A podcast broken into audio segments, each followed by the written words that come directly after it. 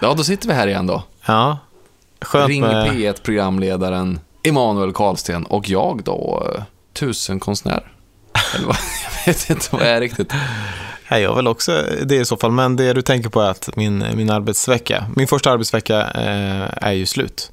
Ja, men precis. Du har slutat vara pappaledig, Mm. börjat jobba, även om du fuskade lite grann förra veckan, får man väl säga. Ja, verkligen. Det var ju en... Tanken var ju att det skulle vara slut, men så passade min fru på att ha en vecka i Los Angeles, va? Det är så gott att ta sig en vecka. Visst, vet du. Så att hon började den här ledigheten då med eh, en stipendieresa som hon hade. Och eh, jag eh, hade ju bokat det här jobbet så att jag åkte till Gotland ju. Och Mm. hade ju tidernas ja, semester kändes det som. För jag gjorde bara Ring P1 på förmiddagen i någon timme. Och sen fick jag vara med, med barnen och min mamma och syster på Gotland i den här pangvårsommaren. Vad, vad händer?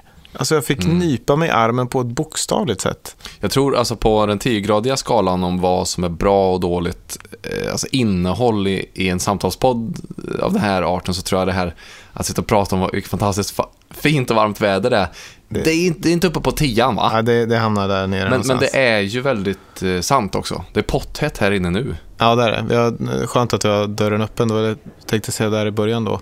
Men, Men det där det sätter ju fingret på Ja, någonting. precis. För att jag menar, vi satte igång det här samtalet för nio månader sedan. Ja, 37 Ehm, veckor sedan nu då. Med ett väldigt tydligt mål ju. Mm. Vi ville ha en podcast under våran föräldraledighet för att ge oss själva en skjuts. Mm. Att ge oss själva inspiration att bli bättre föräldrar och kanske komma ut på fler uppdrag. Mm. Eller alltså göra mer saker, utmana våra roller och så vidare. Ja, men precis. Och att eh, använda också det vi visste var en drivkraft tror jag, för oss. Alltså publiceringstanken Mm. eh, som en slags eh, manöver på oss själva.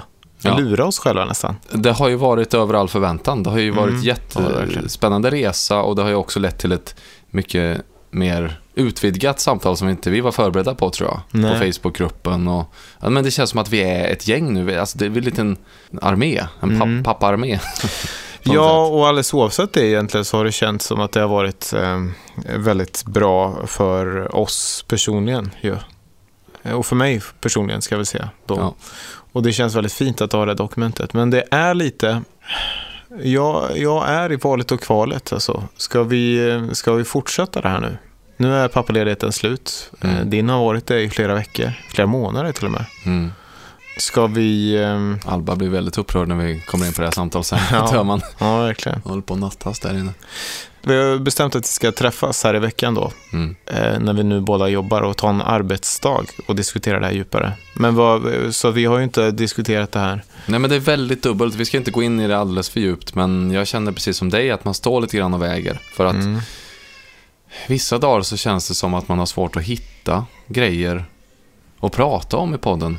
Mm. För att man har pratat, tagit upp så många aspekter av föräldraskapet redan. Och det sista jag vill är att det blir ytterligare en sån där podd som bara tuggar på Mm. och bara liksom återanvänder samma ämnen om och om igen. Det vill jag ju helst inte, men jag Och- tror ju om man ser på, på Facebookgruppen och det samtalet och samtalet oss emellan och, och varje avsnitt som vi gjort hittills. Det finns ju mer grejer att prata om. Ja, men det är ju det som är så fascinerande att varje gång vi träffas och man kan känna under veckan att det inte finns något att lyfta så, så finns det ju ändå alltid det till, till slut. Vi Och det känns intressant och relevant varje gång, tror jag. Nej, men vi har väl till åtminstone ett avsnitt till. Ja, ja det, vi, vi, vi, kör, vi, vi, ska bestä, vi får ju på något sätt bestämma oss här. Och vi behöver input ju. Ja, verkligen. Det skulle vara väldigt vi... intressant alltså, att höra. Vi kanske Mm. behöver hitta ett nytt format. Vi kanske behöver hitta nya ingångar. Vi kanske hittar nya personer. Vi kanske ska ha fler än vad vi är. Mm. Ja, men allt sånt där är ju jättekul om ni hör av er till oss med. Eh, Mm. Alltså på Instagram, där vi heter faderskapstestet. Skicka ett meddelande där bara DM. Mm. Mygga av kan ni skriva om, om, ni, om ni tycker att vi... Alltså att det, nu får det vara nog. Mm. Nu, nu är det bra hörni, Mm. grabbar. Tack, Mm. tack, Tack för den här tiden. tack och hej. Mm. Så skriver ni så. Eh, Men eh, jättekul om ni skriver något lite mer konstruktivt också. Ja, Men nu kör vi. Jag har massa grejer att prata om här. ja okej, okej. Ja, nu kör Ja, ska vi sätta igång? Det gör vi.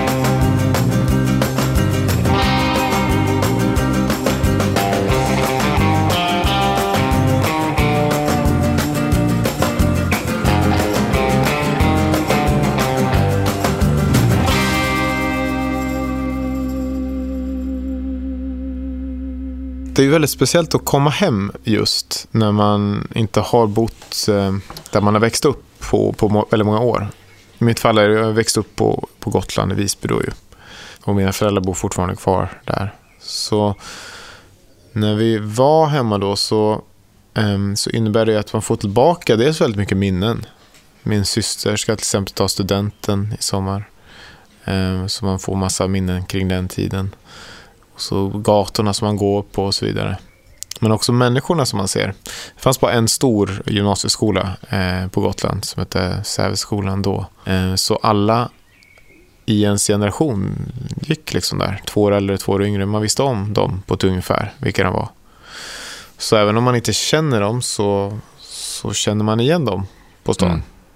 Och just den här helgen då så var vi på ett kosläpp. Eh, Du känner till formatet ju. Ja, det är ju eh, första gången då korna släpps ut på Mm. grönbetet. Ja. Mm. Och det som var intressant där var att jag kom dit då till ett sammanhang där hela min generation på något sätt var. Alltså det finns inte så många, jag tror att det är LRF som anordnar de där och liksom de gör dem regionsvis eller på något liknande, distriktsvis kanske. Så att det var liksom ett i Visby. Det fanns ett kosläpp. Ah, det blev som en eh, opåkallad gymnasie-reunion. ja, precis. För alla då, vi som har barn i ungefär samma ålder då. sätt. Gud, vad kusligt, eller? Ja, men det var det på ett sätt då. Eller det var ju fantastiskt. Billy älskade det. Det var hennes höjdpunkt på hela vår vistelse där, sa hon ikväll. Men, Billy kollar på korna och Emanuel kollar på spöken. Ja, men precis. För att det var ju lite så det var. För att det jag såg då, det var ju liksom Hockey-Micke. Mm. ehm, som eh, var så stor och bufflig och kaxig och en snusunderläpps och keps och mula mig i snön. Kanske. Snusring på, På- byxan ja, På, självklart. på bägge, bägge bak. Ja, antagligen.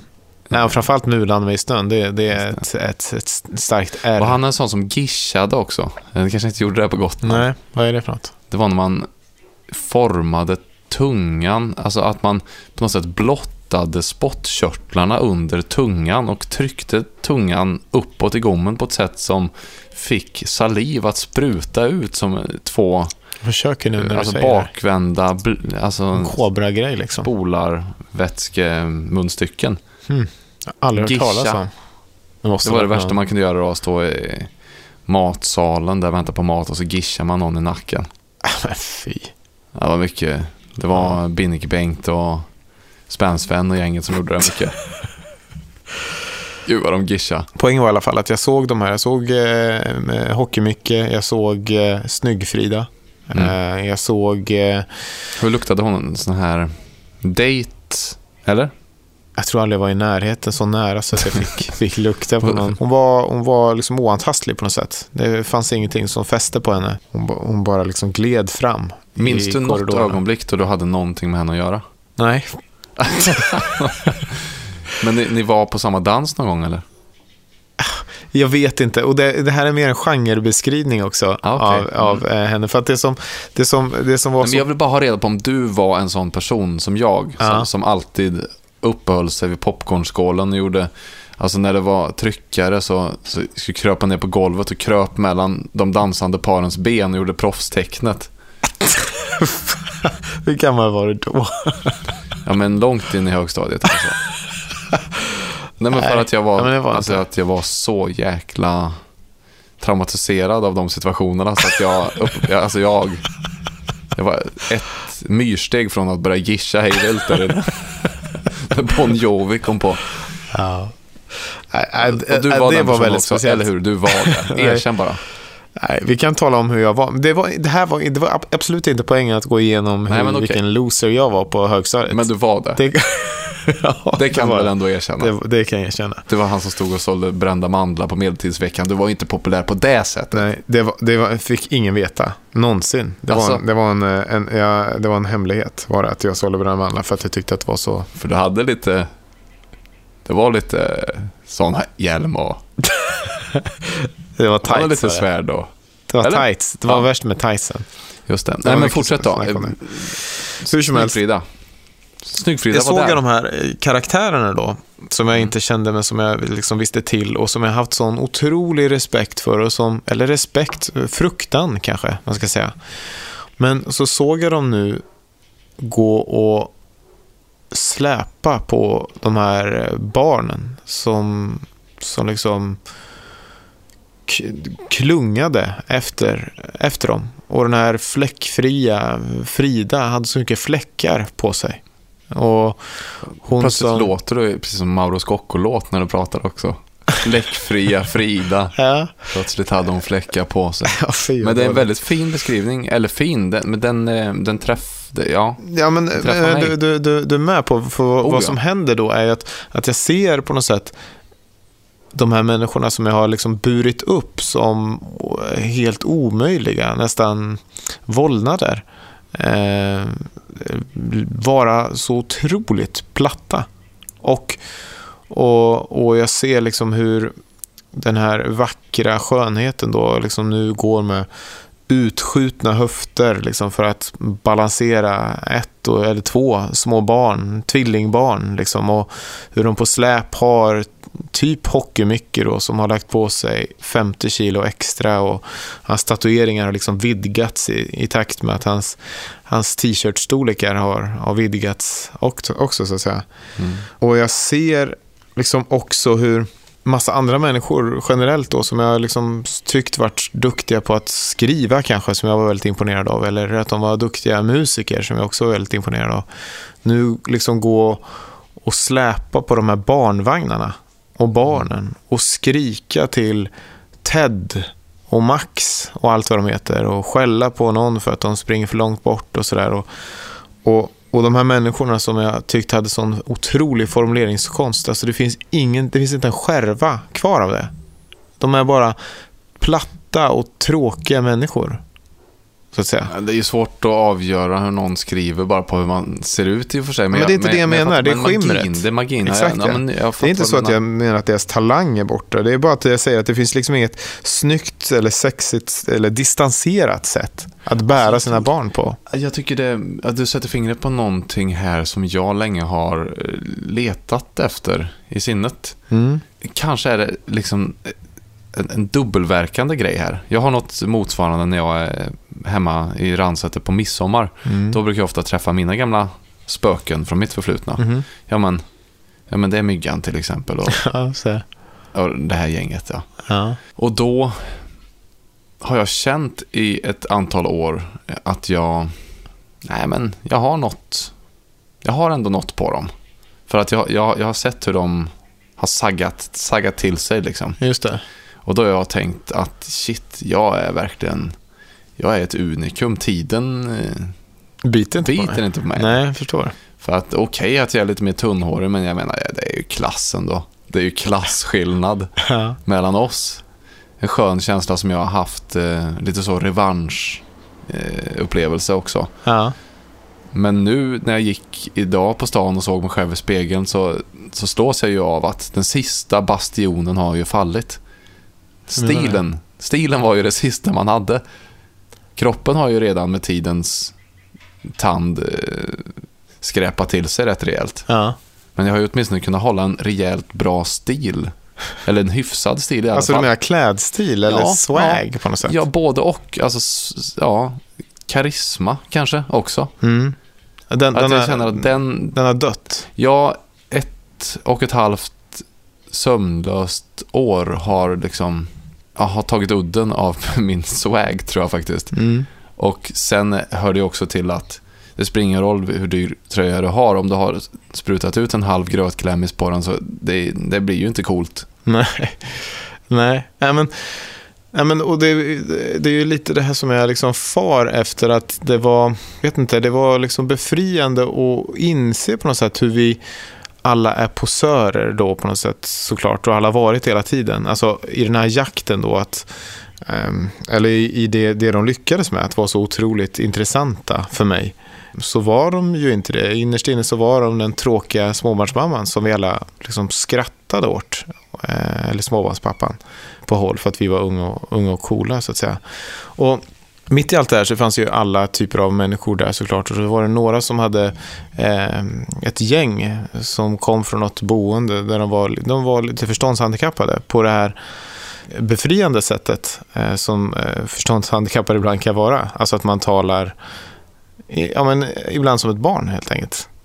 Det var också intressant utifrån det vi pratade om förra veckan om eh, med, kubtest och med down syndrom och så vidare. Och, och hur jag kände när jag såg de här människorna, hur, hur jag ville vara som ett plåster på dem. Jag ville följa dem överallt, jag ville se det de såg. Och jag ville känna det de kände. De var ju uppspelta. De ville omfamna liksom, livet och varje sekund och de ville liksom dela eh, varje sekund som de, de såg också. Mm. Och allt det här liksom, det stod i så stark kontrast eh, till varandra att det blev så, det blev nästan plågsamt. Alltså, hur jag såklart också såg att jag tillhörde ju. Så det är inte så att jag ville håna Hockey-Micke och Snygg-Frida. Utan jag var ju på något sätt i samma gäng där. Alltså hur vi alla på något sätt har blivit, blivit platta Det föräldrar. är som man möts i samförstånd. Lite menande blick, blickar eller kanske Ja, det tror jag inte jag. Tror jag- undvikande blickar. undvikande blickar Ja. snarare. Alltså för att vi har alla försökt att posera på så coola sätt som möjligt genom hela vår uppväxt. Vi har försökt att det? hitta... Jag vill bara få, en snabb, men bara en kort. Ja, men jag försökte med skriv. Alltså med att skriva. Men Det- alltså basker eller? Nej, jag försökte med, säg, Ja, men jag vill bara ha en bild. Jag, en försökte bild. aldrig med någon typ av stil, om det är det du undrar. Jag hade ingen stil. Men hur syntes det då? Är det också någon form av intellektuell swag som då... Men det var Alltså, väl... vad är det för något som har hänt i ditt, i ditt fall då? Då förstår jag inte. Ja, Okej, men jag ser väl egentligen likadan ut då, eh, nu som, som då. Det är bara att det är mer menar den socialt accepterat. pulserande, utstrålande, ja, att du är en skrivkar. Det syntes inte. Det är det jag försöker säga att jag tog plats genom, Ja. genom alltså vi hade olika onlineforum till exempel, där jag tog för hela gymnasiet, där jag tog extremt mycket plats och på något sätt blev någon slags internetperson. Det här är väldigt, väldigt en eh, extrem avstickare här. Ja, men det är ändå viktigt för, okej. att, för att man ska förstå. Mm. Men hur som helst, jag vill på något sätt koppla det här då, för att jag märker så mycket hur jag försöker upprätthålla det här till viss del. Mm, Det här trötta, nakna småbarnspappan eh, som jag egentligen är. Det försöker man ju sminka över, precis på sa- samma sätt som under tonåren försökte sminka över den osäkra, vilsna 16-åringen. eh, Med, med liksom massa, en rad olika poseranden eller liksom utspel eller vad det nu kunde vara för någonting igen då, jag kopplar tillbaka till det som är ditt eh, hatämne att jag lyfter, men det är så intressant för att det speglar så mycket av vem jag är och vilka vi är till mitt eget Instagramflöde. Eller hur mina vänners Instagramflöde. Alltså jag ser de vänner jag har som inte har barn, hur de är kvar i det där. Alltså de har fortfarande kraft och ork att vara poserande. Liksom skapa distans och vara cyniska och kommenterande i samtiden och runt omkring sig och så vidare. Mm. Och jag kan se på det och avundas dem. Och framförallt för att jag tycker att de är coola då. Att de, Mm. att de kan vara sådär avmätta och loja och liksom skriva så syrliga, välavvägda kommentarer om, om saker runt omkring dem. Men jag har ingen tid för det. Jag har ingen ork för det. Jag liksom kan inte prioritera det. För, för, jag jobbar ju, för jag jobbade ju ganska hårt tidigare på att, på att vara en sån. Alltså att, att försöka hitta den tonen. Mm. Men jag då märker ju att, att jag har allt mindre motståndskraft då. Jag märker hur min plufsiga Petter liksom försöker bryta igenom den här vallen av poserande cynism som jag har försökt att upparbeta och som gör att det här krackelerar allt mer. Mm. Alltså som gör att jag, flera gånger den här veckan så har jag till exempel fotat solnedgången. Och Det lagt är ju många som inte har missat det. Ja, ja men, och, och i alla möjliga, du vet, i motljus och alla sådana saker. Och fotat. Jag också, inte, bara, inte bara vara den här veckan, alltså generellt den senaste tiden så har jag allt mer gett efter. Jag har blivit mina föräldrar, jag har blivit medelålders människor generellt. Jag har börjat fota och säga vilken härlig fredag och så liksom fotar jag en flintastek eller någonting på grillen. Ehm, eller jag älskar mina barn och så fotar jag dem i någon tokig position som, som de har eller liksom gör eller någonting. Alltså, det finns inget uns av starkt innehåll eller kreativitet kring det. Det är liksom en platt dokumentation av min vardag som där jag på något sätt då inte är huvudrollen och inte ska vara huvudrollen och jag försöker liksom inte ens. Och det är där någonstans, det var det jag såg i allt det här på något sätt. Att vi, vi har liksom kommit bortanför. Bortom all den här poseringen som vi kämpat med att upprätthålla i tonåringen, som vi försökt förfina i unga vuxna åren. Och som vi nu när vi har barn, ja men då blir vi kanske mer, mer sanna. Kanske lite mer tragiska också på något sätt. För att vi har försökt i alla de här åren hitta någonting som vi aldrig någonsin var. Det är ju så att innan varje människa dör ska Plufsige Petter fram. Ja. Det finns ingen som lyckas hålla hela vägen ut. Nej. Och jag tror ju längre tid det tar, desto mer smärtsamt och plågsamt blir det när det väl sker.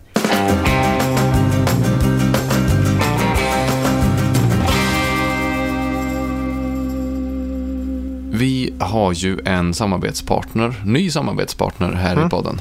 Jepster. Jepster, eh, Y-E-P-S-T-R. Mm. Ja, Inte E, eh, ster, utan ett R bara, utan E på slutet helt enkelt. Då. Det är en Ja, app ju, kan man säga. Eller det är en app eh, som kopplar samman eh, ungdomar med eh, eh, ja, sådana som vi som behöver hjälp i vardagen. mm. Det kan vara med trädgårdsarbete, kan vara med läxhjälp, det kan vara med gå ut med hunden eller någonting. Och eftersom de är ungdomar och går i skolan annars så är de inte jättedyra i drift. Vad, vad kostar det ungefär snitt? Kanske 80-90 kronor eller någonting? ja mellan 80 och 100 kronor Mm. Eh, Vilket och de, är betydligt billigare än de här olika ba- bar, andra barnvaktsbyråerna som finns ju. mm, och, och de får en bra deal. Jag tror att de får väldigt mycket av, av den pengen går direkt till, till just ungdomarna. Och eh, det är väldigt smidigt i appen att man ser vilka de är. Men i allt det här så det samarbete som vi har med dem eh, som också går ut på att om du vill använda det så kan du göra det för, vad är det man får nu igen? 100 kronors eh, rabatt på första. Mm. Eh, man anger faderskapstestet. mm. när man registrerar sig. Men, men i allt det här så, så har vi ju också kommit på eh, att det finns något väldigt spännande där som vi egentligen aldrig varit inne och tassat på. För när vi skulle börja testa det själva då så var det mest naturligt att testa barnvaktskonceptet. Mm. Jag och Linda har ju inga föräldrar här i Göteborgsområdet. Nej. Så att det har ju varit kämpigt. Vi har ju än så länge inte haft en enda natt själva sen, sen Alva kom till exempel. Mm. Och eh, ja, generellt sett väldigt, väldigt svårt att hitta barnvakt för vår del. Mm. Men därför så blev det ju det här en väldigt, vad ska man säga, inbjudande tanke. Att Mm. ja, En kanske ingång. man kan få barnvakt här ändå. För att vi har liksom aldrig haft råd att om man går på bio, man vill inte lägga 1500 spänn plus moms Nej. eh, för att någon superproffsig person ska komma hit till ens lägenhet i Mm. tre, fyra timmar. Mm. Det blir för mycket helt enkelt. Mm. Det är typ om man gifter sig eller eh, om man, ja, jag vet inte vad det skulle vara Mm. som, som det, det kan vara värt det. Men ett par hundra, absolut, det kan man väl ge Mm. För det. Så att vi, eh, vi eh, la ut en annons helt enkelt. Mm. På Jepster. Ja, fick jättemycket svar direkt. Är det sant? För att då är det ju också utifrån att det är geografiskt nära då. Ja, eh, precis. som- Ni fick men jättemycket svar. supermycket svar. Supermycket svar. Ehm, vilket på ett sätt, alltså det, det, jag tror det är en viss startsträcka här att bli bekväm med detta. För att det är ju barn då Mm. som, som vill chatta med en Mm. och som försöker sälja in sig själva på olika sätt. Mm. Och jag blev ju väldigt stressad av att behöva tacka nej till barnen och, och skrev långa liksom, romaner i de här chattarna. Jaha. Och sen skämdes jag för det också för att det var väl lite väl nästan otäckt eh, beteende. Ja. Jag, jag känner att jag, jag har inte hittat, jag har inte kalibrerat balansen i, där, Nej. i chatten än så länge. Ja, men man förstår ju, det är klart att de fattar att de inte kan få alla jobb som... Det är bara en som får det. Att de är fler ja, än en som tävlar om det. Ja. Och sen så är det ju samma trygghetsfunktion som, ja, men som Uber eller Airbnb eller liknande tjänster också har. Alltså att både köpare och säljare är ratad av massa anv- användare så att, Mm. man, ja, man- så att man kan lita på varandra helt enkelt. Mm. Jag har lite svårt för ratingsamhället än så länge och, och jag kände att det var också något som är, okej, kommer det hem någon här nu som, är, som inte gör ett bra jobb, det kommer ju kännas jättejobbigt och, och ge en dålig recension då. Men jag vet inte. Ja. Det, det, det är inte ett problem än så länge. Och det är ju framförallt bara ett problem i min, min lilla besvärliga hjärna som jag har. Ja, man kan ju tänka att just eh, skolungdomar är nog vana vid att bli ratade. Det är ju det enda de blir hela dagarna, betygsatta i skolan. Precis. Plus att det är ju, det är ju enbart för att göra det mer tryggt för Mm. alla inblandade. Såklart. Men i vilket fall som helst så um, bokade vi träff då med en person som kom hit. Mm. Och um, det var ju, ju speciellt. Ja, då, då, det var någon, alltså en ungdom då. Hur gammal var ungdomen som kom då? Eh, ungdomen var 18. Ja. Mm. Tjej, kille? Tjej. Mhm. Jätte, jätteambitiös, superduktig, kanonperson. Kändes hur trygg och bra och grym som helst. Ja. Så att eh, vi ska köra. Jaså? Hon ska bli vår barnvakt, har vi sagt. Aha. Men vi ska testa en gång i alla fall. Och sen, sen får man se vart det Vad spännande. landar. Ja, men det är ju en skitbra grej på det sättet. För att jag känner inte heller någon som har barn i den åldern så att det är aktuellt att fråga de barnen om barnvaktstjänster eller så. Nej, precis. Va, va, när händer det här då? Ja, men kanske till veckan till och med. Intressant alltså. Det, ja, det här blev ju, det här, det här, blev, det här, blir, det här blir jättespännande faktiskt att höra. Alltså oavsett Jepster eller inte, bara höra. Mm. Det är första pappan jag har i min bekantskapskrets som, eh, som har testat en utomstående barnvakt. Ja, men eh, som sagt, vill man vara med på testet då, eh, och det finns ju andra saker som kanske är mindre friktionsfulla eh, för, för andra. Det är ju som sagt gå ut med hunden eller klippa gräset eller man kan använda helt enkelt dessa jeppar till vad som helst. Då kan man gå in då på, ladda ner appen Jepster och så använder man faderskapstestet och får man 100 kronor rabatt. Så kan man ju testa bara på en grej. En, en timme klippa gräset. Det ska jag nog testa, det behöver vi göra i veckan. Do it! Do it! Apropå det här då med Plufsig Petter. Mm. Du menar alltså att du är där nu? Du, nu, nu, nu är Petter, Petter ut ur säcken och nu är det bara solnedgångar och det är flintastek och det är det där och Ja. har det grill och ja, det är Lo- Lomanders bearnaisesås som smetas på Vad är det du tänker på? i burk då. Naturligtvis, det häller vi inte upp. Nej men, nej men jag tänker på, det har ju varit lite andra bilder också. Mm. Det har ju varit eh, lite nagellack. Jag ser du fortfarande har på dig det där. Ja, min dotter som har målat. Ja. Vad tycker Plufsig Petter om det egentligen? Vad menar du? Nej, men alltså jag ska inte raljera för mycket om det, men jag, jag själv har ja, har funderat på det där med alltså jag är- alltså, man kan betrakta det här som ett genuskreativt eller normkreativt eh, grepp från din sida då att du postar bilder på när Billy eh, lägger nagellack på Ja. dina fingrar, eller? Jo, precis. Jag antar att det var en typ av positionering från din sida, eller att det var en liten blinkning och liksom, hej, här har ni mig. Jag är minsann en modern kille som, jag har in, absolut inga som helst problem med det här. Det är flintastek i ena sekunden och så rakt ner i nagellacket. Ja, men just det, för att jag la ut på Instagram, eh, på faderskapstestets Instagram, ja. Mm. Eh, och det är det som är kvar här på fingrarna. Att jag, eh, att det såg ut typ som att, ja just det, försökte jag vara lite rolig också, att det såg ut som att na, eh, naglarna var ryckta. För att det var lite smetat utanför naglarna och sådär. Just det. Nej, Men men- det var ju en, väldigt genomskinlig... Det var väldigt Alltså, po- ja. alltså att du, det var var, som en metapositionering. Att Ja, det var det. Du vill få ett svepskäl att kunna lägga upp den här bilden utan att det känns alldeles för genomskinligt Ja. eh, genusposerande. Och det, men det är det här jag vill komma till att ah, Ja, men det är det. Och det, var, alltså, det här är ju, jag tror också att jag alltså, någon gång tidigare liksom har skrivit så här, något i stil med att mm, den här bilden lägger jag upp för att visa, påvisa vilken genusmedveten pappa jag är och så vidare. ja, För, och och, och gen, därigenom ytterligare då meta, distansera mig från men mig det är själv. ju skitsvårt ju för att man tycker ju att jag menar, jag håller väl med om det. Jag tycker det är en skitbra grej och det är en motbild som behövs i samhället. Och det skulle vara härligt om alla gjorde det utan att ens reflektera över saken. Mm. Men vad är det ändå som gör att jag känner, det här är intressant om man gräver lite i det nu då. Vad är det som gör att jag känner att det här är en bild som eh, skulle vara bra att posta eh, Mm. för mina vänner? Vad är det jag vill säga med det? Jag vill ju såklart säga då att jag är en pappa som tänker på de här sakerna och inte har några problem att, att eh, visa att nagellack är, är för alla. Och jag har heller inga problem då att gå runt. Jag har ju gått med det här nu. Här är två, jag tror det var två veckor sedan jag la upp den eller någonting. Mm. Jag vet inte om du reagerar för att du är ju fortfarande kvar. Det är ju uppenbarligen Ja, ett bra nagellack. Ja, det var Eh, bra. så jag har inga problem att gå med det. Och min omgivning har heller inga problem att se det. De, de, det blir ett fint sätt att prata om mina barn då. Mm. Ja, vilket fina naglar du har haft, har man ju sagt på jobbet och sådär. Men det är ju också något poserande i sig då. Alltså jag vill, så jag vill gärna liksom visa vilken medveten pappa jag är och för min omgivning gärna förklara.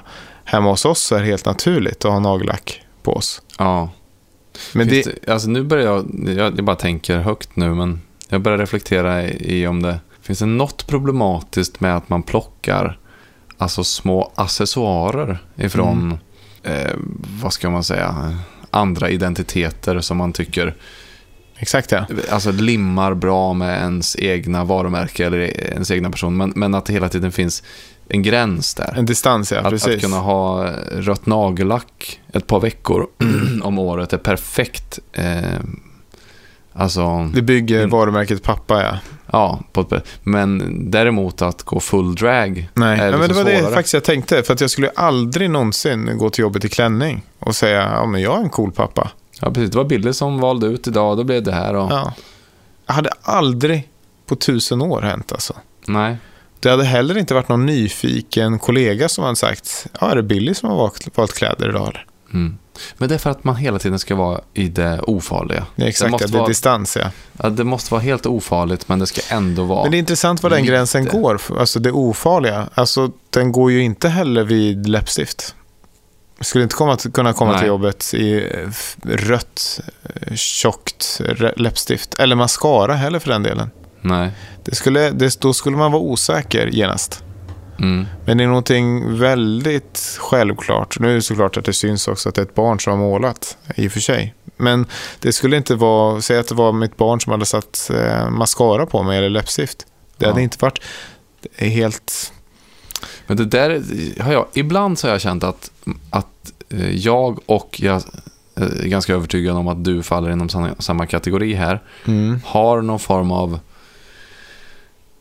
men alltså vi representerar ju majoritets... Eh, alltså, vi- alltså, eller vad ska man säga? Vi, vi representerar det, den mest ointressanta identiteten som finns på Mhm. något sätt. Vad är det för en? Ja, men som ju då är medelklass, vit, Man. man eh, i med, medelåldern. Ja, Eh, ointressant på det viset att den är så otroligt normativ då. Ja, och att man då hela tiden försöker att eh, låna uttryck, men man, att man hela tiden måste göra det inom, inom det, alltså ofarlighetsbarriären. Mm.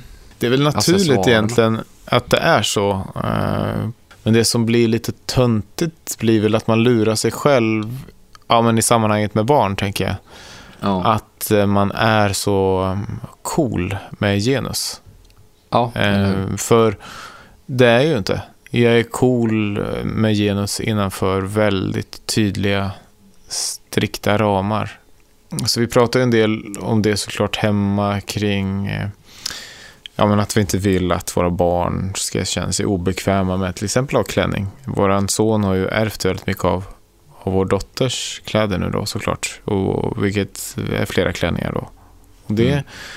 har han ju på sig och det är ett väldigt härligt plagg ju att ha nu när det är lite varmare också. Det är ett perfekt eh, plagg att ha Mm. då. Istället för att hålla på med byxor och, eller shorts och så. Ja, men och i, i, mitt fall, jag har ju, och det har jag ju pratat om tidigare i podden, att jag har liksom en liten dragning åt det där hållet. Mm. Jag tycker det är skitkul att sminka mig på riktigt, alltså Mm. riktigt hårt sminkad. Och jag tycker det är roligt och spännande att, att prova eh, ja, damkläder och så också. Mm. Men att jag har, ja, att Men- jag inte vågar leva ut det. utan Nej men du, det är det jag menar. Att, att, att det som händer där, så när Billy till exempel frågar, vi kanske pratar om vad hon ska på sig idag, klänning, och så frågar hon oss, vad ska ni ha på er? "Ja, Jag ska ha en skjorta, och så säger Julia att hon ska ha kjol. Nu har inte hon kjol nästan aldrig, men, men säg att det skulle vara så, och så säger hon, men varför har inte du kjol idag? Och då måste jag säga hitta på i princip då. Mm. Ja, men jag känner inte för det. Jag gillar mest skjortor. Men sanningen är att jag skulle aldrig i livet ha en kjol för det skulle bara bli bara jobbigt. Det skulle vara ett stort hinder på Mm. jobbet. Att jag skulle hålla på och prata om den här kjolen. Eller Ja. att det skulle bli kjolen i deras ögon. Det skulle bli det de pratade om. Det enda de pratade om när jag hade gått därifrån var kjolen. Ja. Och att det, det är liksom de normer vi lever. Däremot kan jag tänka mig att, att de målar mina naglar. För det, det har jag inga problem att, att förklara bort så att säga. Nej. Och jag återkommer gång på gång till den här bilden som du la upp på Instagram. Att, man, att jag ändå har ett visst motstånd till det. Eller att jag, att jag inte... Jag rynkade lite grann på näsan när jag såg den. För Ja. att jag kände att... Oh shit, alltså det... Oh, vad är, nej, men, jag har själv varit så nära att... Jag har postat liknande bilder. Mm. Jag kände igen mig själv.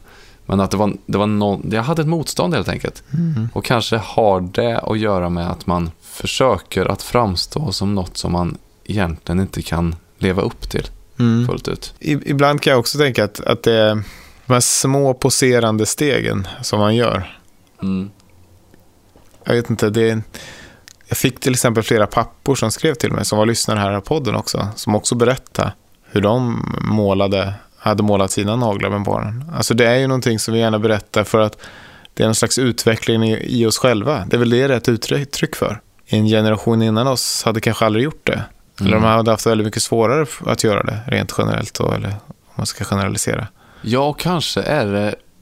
Alltså, den där bilden Mm. vill ju då balansera på gränsen mellan det ofarliga och farliga. Mm. För att få dig att framstå som... Nu menar jag inte farlig, men Jag du fattar vad jag menar. Mm. Ehm, alltså, framstå som något mer farlig än vad du egentligen är.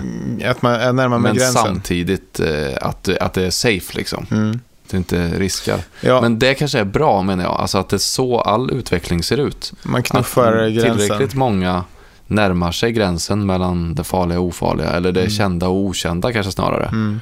Och hela syftet med det här, det är väl på något sätt då att vi vill att det inte ska...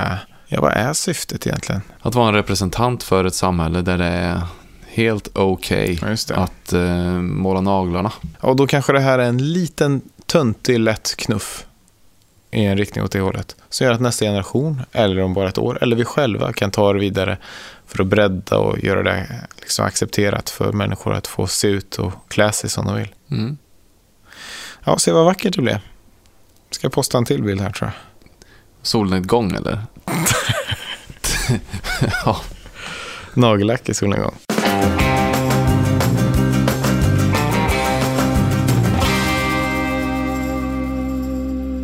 Barndom är en sak för mig. Emanuel, vet du vad det är? Nej. Berry.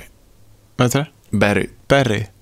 Berry, Milkos fantastiska produkt som numera är någon annan som gör. Men den här, du vet, yoghurten som ligger i en burk där sylten ligger längst ner. Mm.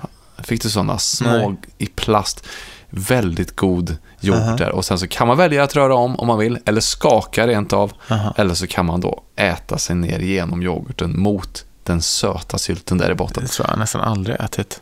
Det är fantastiskt gott. Fem spänn kostar en berry på mat.se just nu. Det är vår samarbetspartner. Vet du hur många berry man får för 200 spänn? Eh, Ja, det är 40.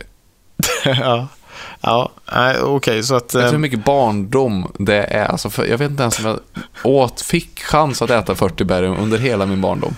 nej. Och nu har jag chans att bara ta igen det på ett bräde. ja, och framförallt har ju våra lyssnare chans att ta igen det. Om man använder koden PAPPA på mat.se så får man alltså 200 kronor rabatt på sitt första köp om man handlar för 500 kronor eller mer. Okej, det var allt för idag. Nu är nästa eh, punkt för oss det att vi ska ses senare i veckan och diskutera framtiden för den här podden då. Mm. Nej, men det var ju lite besvärligt att ta sig igenom eh, samtalen idag kände jag.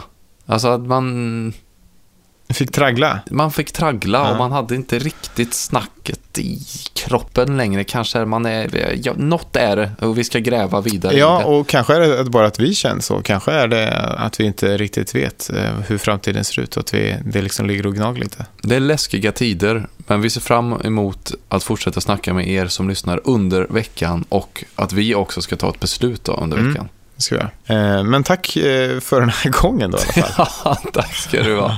För vi syns ju i alla fall i veckan. Ja, det gör vi.